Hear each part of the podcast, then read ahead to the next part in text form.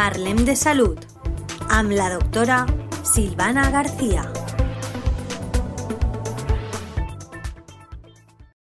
Buenas tardes oyentes de la Tegua Radio. Este jueves, como todos los jueves, hablando un poquitito de salud y hoy hablaremos de la enfermedad de Kawasaki. ¿Qué es la enfermedad de Kawasaki?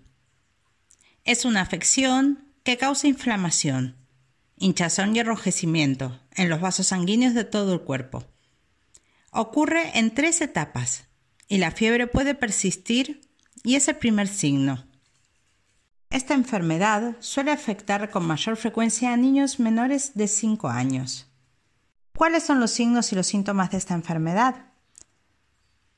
Aparecen por etapas. En la primera etapa puede durar hasta dos semanas. Suele haber fiebre durante un mínimo de 5 días.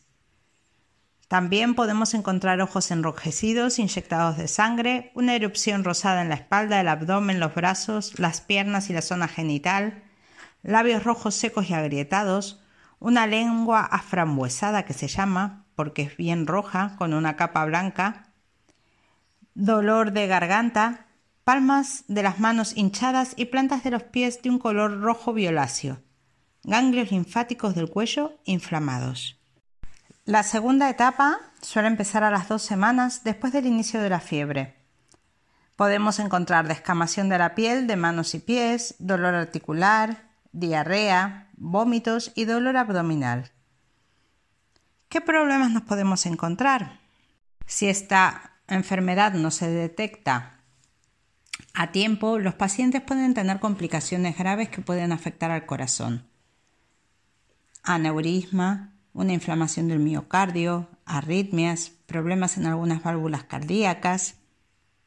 Por suerte, los síntomas de esta enfermedad pueden detectarse pronto y tienen tratamiento, y la mayoría de los niños se encuentran mucho mejor pocos días después de iniciar este tratamiento.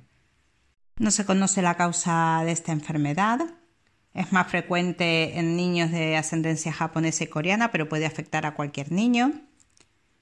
Y el diagnóstico siempre puede hacerse a través de la exploración física. Los síntomas de esta enfermedad pueden parecerse al de otras enfermedades víricas y bacterianas propias de la infancia. Entonces hay que averiguar los síntomas y explorar al paciente. También se pueden solicitar pruebas para estudiar el corazón como un ecocardiograma y a veces análisis de sangre para descartar otras infecciones como la escarlatina, el sarampión o la fiebre maculosa de las montañas rocosas o la artritis reumatoide juvenil. En estos días y en estos momentos también se podría hacer un diagnóstico diferencial por infección por COVID-19. ¿Y cómo se trata? Nada. Se suelen utilizar inmunoglobulinas intravenosas, corticoides y ácido acetil salicílico, aspirina. La mayoría de los niños con esta enfermedad empiezan a encontrarse mucho mejor después de un tratamiento con inmunoglobulinas, aunque a veces es necesario administrar más dosis.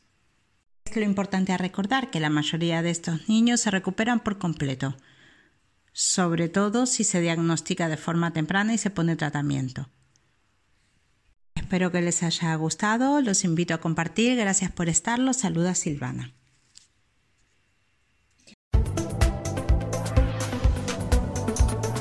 Parlem de Salud amb la doctora Silvana García.